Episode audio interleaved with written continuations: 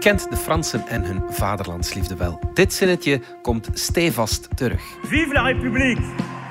Vive la France!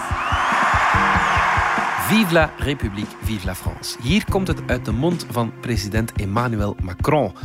Maar horen we het binnenkort vaker op deze manier?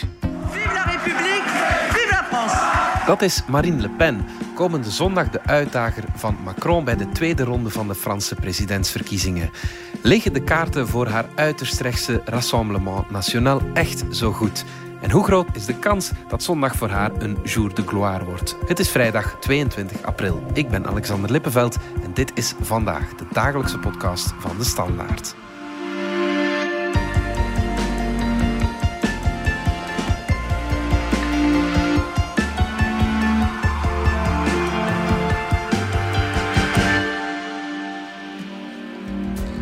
Jolien de Bouw, onze Frankrijk-correspondente.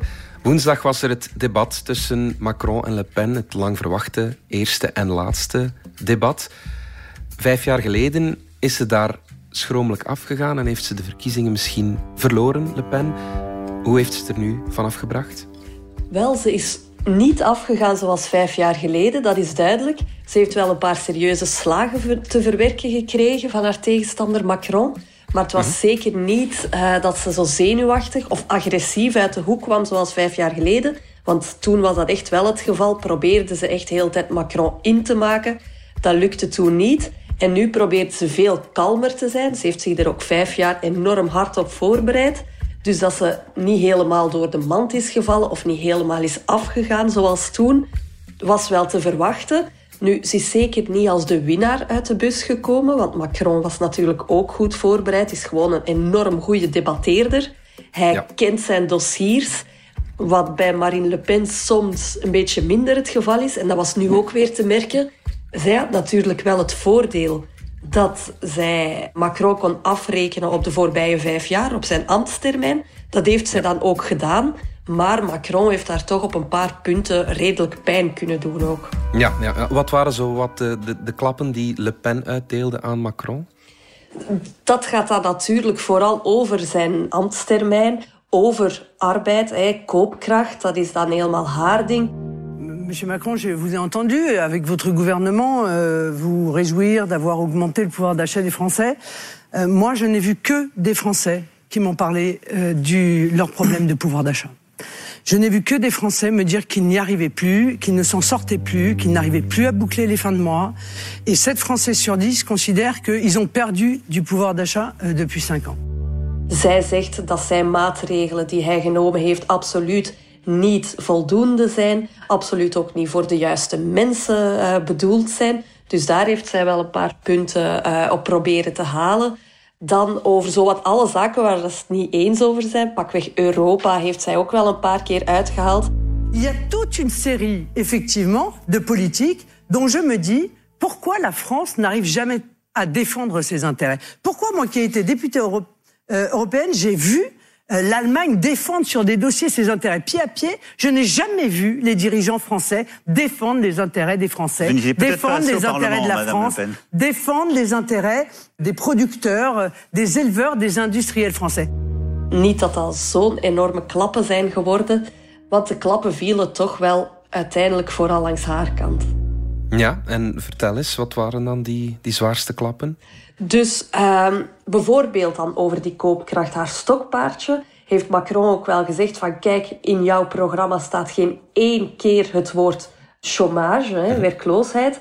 Je regardais votre programme, vos 22 mesures, il n'y a même pas le mot chômage dedans. Ce qui est frappant. Il n'y a pas de problème.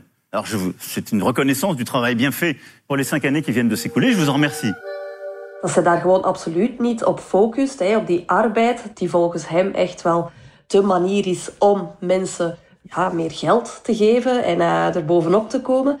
Daar heeft zij het helemaal niet over. En dan natuurlijk ook Rusland. Marine Le Pen heeft wel nauwe banden gehad, misschien nog steeds, maar zeker gehad met Rusland. Dus daarop werd zij natuurlijk afgerekend. Zij had dat natuurlijk ook wel zien aankomen.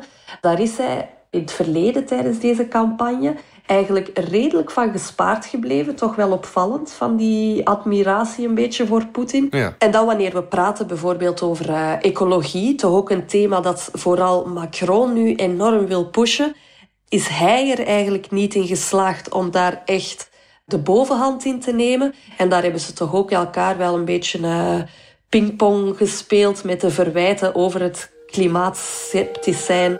Lu votre projet, il est très transparent. Vous êtes climato-sceptique. Bon.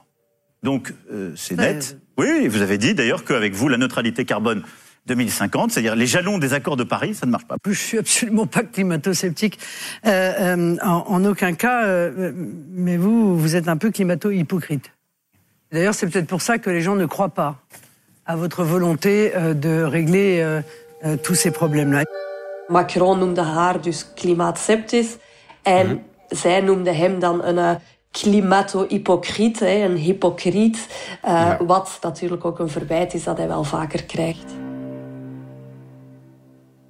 Laat ons even kijken naar het parcours uh, van Le Pen. Daar gaan we vandaag op focussen. Het is eigenlijk de derde keer dat de Fransen de kans krijgen om een Le Pen naar het Elysée te sturen? Ja, inderdaad. Hè. In, in 2002 is uh, Frankrijk heel hard verschoten. Toen bleek dat Jean-Marie Le Pen plots in de tweede ronde stond. Ze zijn dan wel zo hard verschoten ook dat Chirac hem uiteindelijk met meer dan 80% heeft verslagen. Uh, en dan vijf jaar geleden, 2017, was dan uh, dochter Marine. En zij heeft dan ook wel toch serieus het onderspit moeten delven. Hè. 33% heeft zij gehaald. Maar dit jaar geven de peilingen haar 4 à 45 procent op dit moment. Dus dat gaat altijd maar in stijgende lijn. Dus een ja. beetje afwachten wat daarvan komt, inderdaad. Ja, vergelijk de Le Pen van vijf jaar geleden eens met die van nu? Wel, die zijn eigenlijk bijna niet meer te vergelijken met elkaar. Okay. want na die nederlaag in 2017 heeft zij echt wel beseft dat die scherpe kantjes er wat af moesten. Zowel van haar als van haar partij. Want als zij echt een kans wilden maken, moesten ze natuurlijk een veel breder publiek aanboren dan dat van die xenofobe anti-Europeanen. Ze zijn een hele opkuisactie begonnen om de partij, zoals zij dat dan noemen, te dediaboliseren. Papa Le Pen was toen al uit de partij gezet, omdat hij nog maar eens de gaskamers had geminimaliseerd. Je suis un, un passionné aussi par l'histoire de la Deuxième Guerre mondiale. Je me pose un certain nombre de questions. Et euh, je ne dis pas que les chambres à gaz n'ont pas existé. Euh, je n'ai pas pu moi-même en voir, je n'ai pas étudié spécialement la question, mais je crois que c'est un point de détail de l'histoire de la Deuxième Guerre mondiale. Dus dat antisemitisme moest er natuurlijk uit. Dat plakte echt wel aan het FN, aan het Front National. Een mm -hmm. beetje vadermoord gepleegd eigenlijk om uh, president te kunnen worden.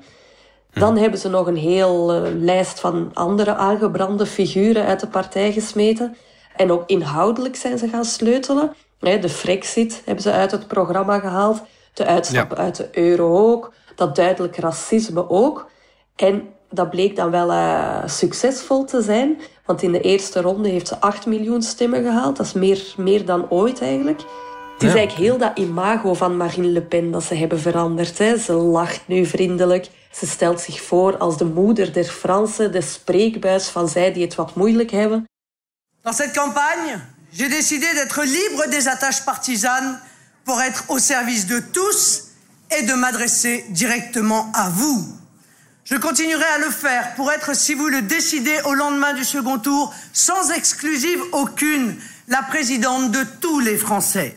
Dus eigenlijk die kwade vrouw van vijf, zes jaar geleden... die migranten ging vergelijken met windmolens, is verdwenen.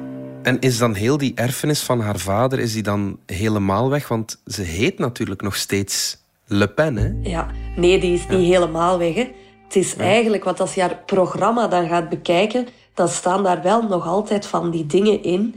die toch sterk doen denken aan het Front National... Maar die worden veel minder naar voren gebracht. Dus hetgeen waar ze echt een nadruk op legt, is nu gewoon helemaal veranderd. Maar als je dan dieper gaat kijken, dan inderdaad is dat nog steeds wel een Le Pen. Je was op een, uh, een verkiezingsmeeting van haar een paar uh, weken geleden. Waar haalt ze haar stemmen? Wel, dat is eigenlijk een heel uh, bont publiek, heel kleurrijk ook. Opvallend op die meetings is dat die militanten ofwel heel jong zijn, dat zijn dan twintigers, ofwel juist redelijk oud, dus 60-plussers. Dat is ook echt een publiek dat zich van kop tot teen uitost om naar zo'n meeting te gaan. Dat is iets dat ik bij geen enkele andere kandidaat heb gezien. Uh, dus ja, het, is, het is gewoon al boeiend om daar rond te lopen. En het is ook bijzonder met hoeveel liefde en adoratie dat zij over uh, hun kandidaten spreken. Dat is niet alleen op die meetings, waar dat dan vooral militanten zijn, maar ook op straat, op plekken waar ze goed scoort. Hè. Dus bijvoorbeeld in het noorden, in Hénin-Beaumont. Als je daar met mensen praat, is niet uh, Madame Le Pen, wat bij Macron eigenlijk altijd het geval is, maar het is daar Marine. Dus mensen spreken haar gewoon met die voornaam aan. Zij cultiveert dat ook, hè. het idee dat ze één van hen is, dat ze dicht bij het volk staat. Ik heb zowel op die meeting in Avignon als op de markt in Hénin-Beaumont ook gesproken trouwens met Fransen met allochtone roots die voor mhm. haar stemmen. Een paar jaar geleden was dat bijna ondenkbaar dat zij voor het Front National zouden stemmen. Maar door die nadruk niet meer op thema's als immigratie te leggen, halen ze nu ook daar stemmen. Ja, je, hebt een reportage in Roubaix gemaakt, de voorstad van Lille. En daar stond één zinnetje in dat mij ja, echt wel opviel. Twee vrouwen die zeiden: Wij gesluierde vrouwen zouden beter af zijn met haar dan met Macron. Heeft Macron het dan zo verkorven bij de, ja, bij de moslimgemeenschap, zeg maar? Wel, hij heeft natuurlijk heel die, die wet, die strijd tegen het uh, moslimradicalisme enorm opgevoerd in Frankrijk. Waardoor nu bijvoorbeeld gesluierde vrouwen niet meer mee mogen op schooluitstapjes met hun kinderen waardoor zij zich nog meer geïsoleerd gaan voelen, et cetera. Die vrouw die dat dus inderdaad zei, die ging ook naar een moskee in Roubaix die gesloten is. Er zijn een heel aantal moskeeën eh, moeten sluiten onder Macron zijn bewind. Mhm. En zij zijn gewoon inderdaad enorm boos op Macron. Zo boos dat zij inderdaad zeggen van Marine Le Pen, zij is er in de eerste plaats echt voor de vrouwen, want dat is nog iets waar Marine Le Pen zo enorm op, uh, op hamert dat zij de feministe is in het gezelschap. Mhm. En die vrouwen inderdaad, die zeiden... Als vrouw, als gesluierde vrouw, gaan wij nog beter af zijn met Le Pen dan met Macron, die ons zoveel uh, miserie heeft gebracht. Ja, dat is wel opvallend. Um, dat zijn verhalen uit het, uit het noorden, zeg maar ook helemaal in het zuiden haalt ze haar kiespubliek. Hè? Ja, inderdaad. Hè. Dat Noordoosten, inderdaad, daar staat erin traditioneel sterk. Dat zijn arbeiders, dat is een beetje hè, verpauperd. Dus het vergeten Frankrijk. En dan in het zuiden is dat inderdaad wat verrassender op het eerste zicht. Hè. Dat is de Côte d'Azur, de zomerzon, Frankrijk vakantieland. Ja. Maar dat is eigenlijk in de geschiedenis zo gegroeid. Hè. Toen dat Algerije onafhankelijk werd in 1962 eh, zijn er honderdduizenden pieds noirs, dus kolonisten, in Marseille aangekomen. Zij hebben zich daar dan opnieuw gevestigd en die waren enorm boos op Frankrijk in de eerste plaats, op Charles de Gaulle, omdat hij Algerije had afgestaan. Mhm. En tegelijkertijd kwamen er ook heel veel Noord-Afrikanen daar in de bouw en in fabrieken werken. Mhm. En dat heeft dat xenofoob nationalisme in de hand gewerkt. En het FN is daarop beginnen surfen. Ten tweede, verklaart ook de demografie van dat Franse zuiden succes van extreem rechts. Mhm. Je kan dat eigenlijk een beetje vergelijken met Florida. Uh, dat mediterrane klimaat, dat is goed voor de gewrichten en dat trekt al lang gepensioneerden aan. Ja. Dus het aandeel 65-plussers is daar eigenlijk een van de hoogste van heel Frankrijk. En dat publiek heeft doorgaans de neiging om meer conservatief te gaan stemmen. Ja. En ook niet te vergeten, een van de grote motoren van RN is inkomensongelijkheid. En dat is in het zuiden ook wel heel sterk, want je hebt daar inderdaad heel die bling van, van het... Uh, van, van de Côte d'Azur en van, van Saint-Tropez. Ja, ja, ja, Maar je hebt daar inderdaad ook gewoon heel lage inkomens en mensen die heel hard moeten werken. En bon, de kloof is gewoon enorm. En er zijn dan ook een paar figuren, zoals bijvoorbeeld Thierry Mariani, die een paar jaar geleden nog heel goed scoorde bij de regionale verkiezingen. Die is nog minister geweest onder Sarkozy. Die is dan overgestapt naar uh, Rassemblement National. En dat is gewoon een heel populaire man daar in de streek. En die heeft de partij daar in de regio ook deels mee zachter gemaakt. Hè. Ervoor gezorgd dat eigenlijk een stem voor extreem rechts geen taboe meer is. Dus dat alles samen maakt inderdaad dat ze in het zuiden ook wel sterk staan. Ja, oké.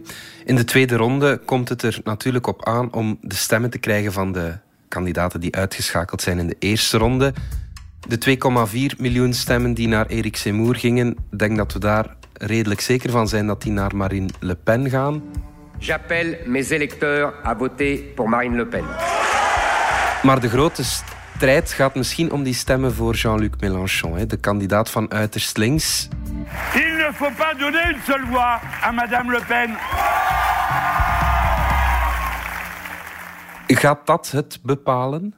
Dat gaat het grotendeels bepalen, inderdaad. Ja. En daarnaast natuurlijk ook de niet-stemmers. Die proberen ze ook nog binnen te halen. Dat is natuurlijk Ja. zeer moeilijk. Uh, maar inderdaad, ja, die kiezers van Mélenchon... Eigenlijk zijn die niet zo gek verschillend van die van Le Pen, voor een groot deel.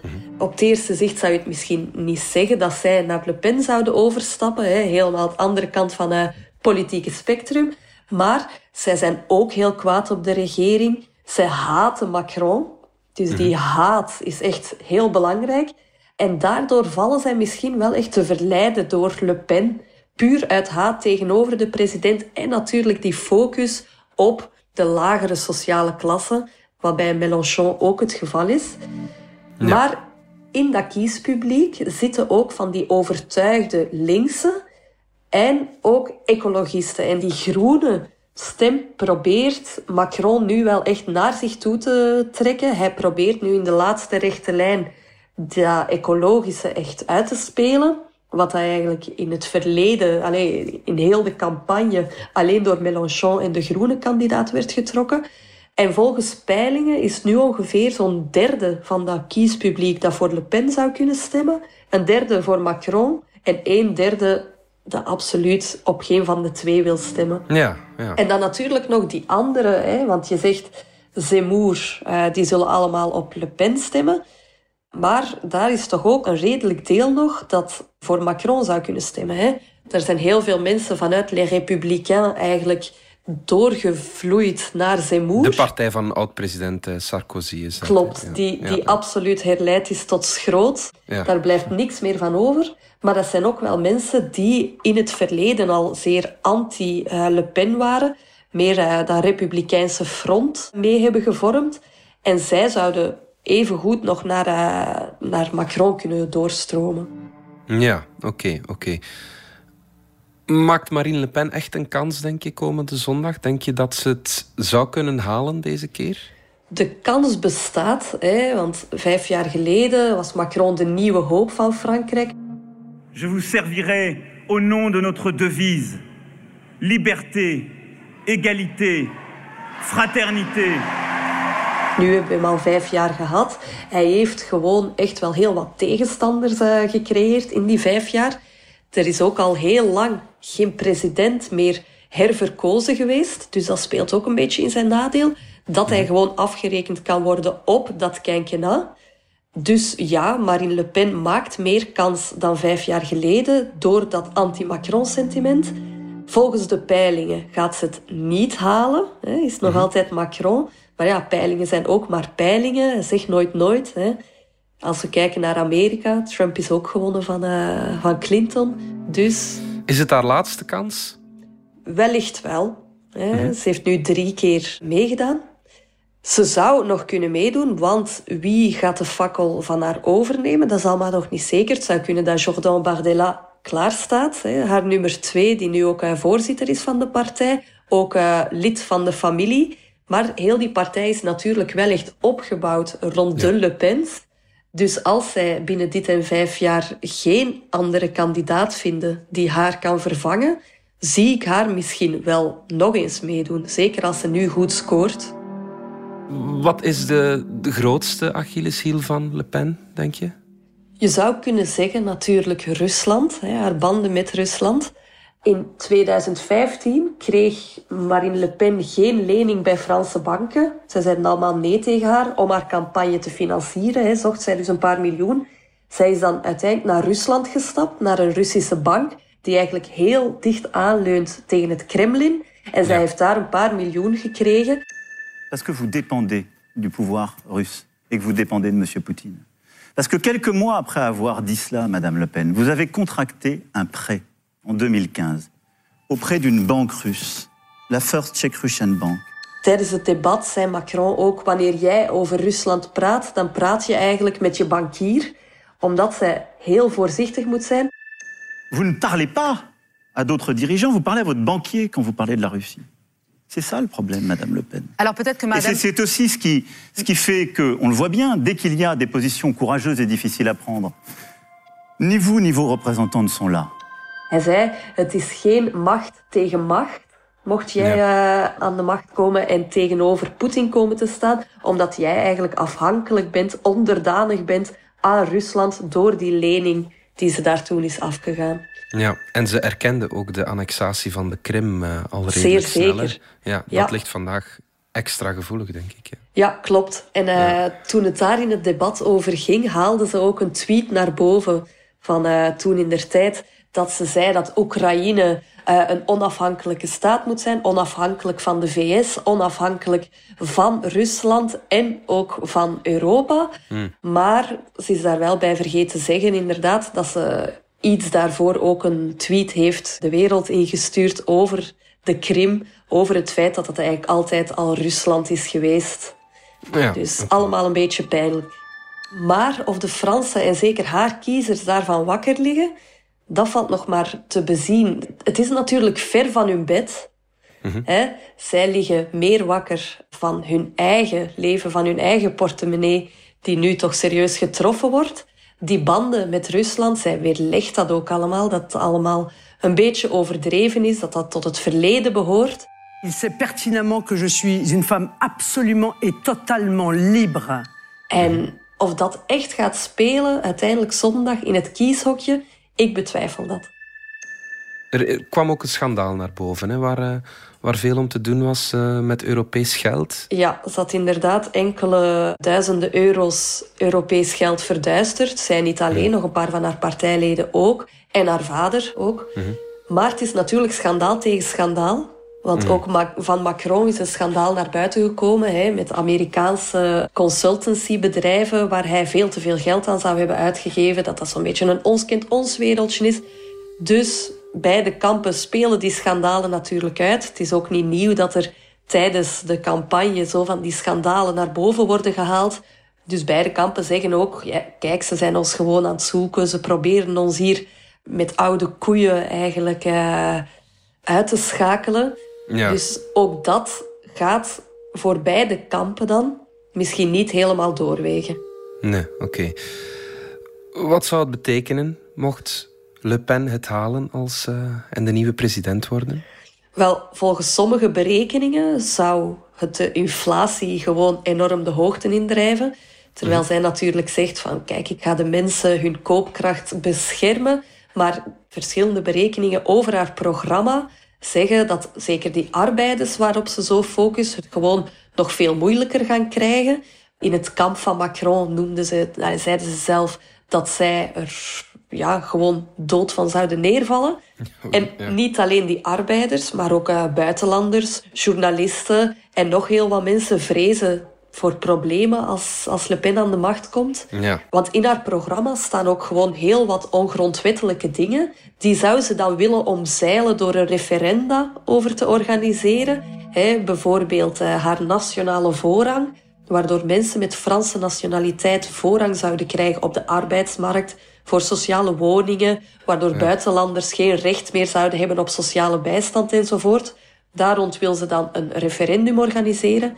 Maar over égalité, fraternité, het Franse devies, ja, valt dat toch wel een beetje kritisch te bekijken. Ja. Maar binnen een paar weken zijn het ook parlementsverkiezingen. De kans is heel groot dat zij het daar dan niet zou halen. En eh, dat betekent dat zij eigenlijk die vijf jaar niet heel veel zou kunnen doen. Dat ze eigenlijk helemaal geen machtige president zou zijn. Ja, een soort eh, lame duck wordt dat eh, dan eh, genoemd. Ja. Ja. En Europa natuurlijk. Hè. Dat, dat, Frankrijk is en blijft een, een lid van de Europese as natuurlijk, van de Frans-Duitse as. Ja. Die blijft toch niet overeind als Nee. zij president wordt. Nee, en daar heeft Macron woensdag in het debat ook echt wel serieus op gehamerd, op die Frans-Duitse as. Zij zegt daar nee tegen. Zij zegt ook, we moeten meer kijken buiten Europa. We moeten sterkere banden aangaan met Afrika. Ze is een heel grote voorstander van ook eh, Senegal bijvoorbeeld. Ze wil sterkere banden met Senegal dan met Duitsland. Voor Europa zou het inderdaad geen goed nieuws zijn, hè? want ze wil niet meer uit de EU, zegt ze. Maar ze vindt de Franse belangen wel veel belangrijker dan de Europese. En als we gewoon gaan kijken naar het programma, naar wat zij allemaal zou willen doen, is dat gewoon heel moeilijk binnen Europa. Dat valt eigenlijk bijna niet uit te voeren binnen de Europese lijnen. Afwachten voor komende zondag. Jolien Bouw, dankjewel. Graag gedaan. Dit was vandaag de dagelijkse podcast van de Standaard. Bedankt voor het luisteren. Alle credits van de podcast die je net hoorde vind je op standaard.be-podcast. Reageren kan via podcast.standaard.be. Maandag zijn we opnieuw.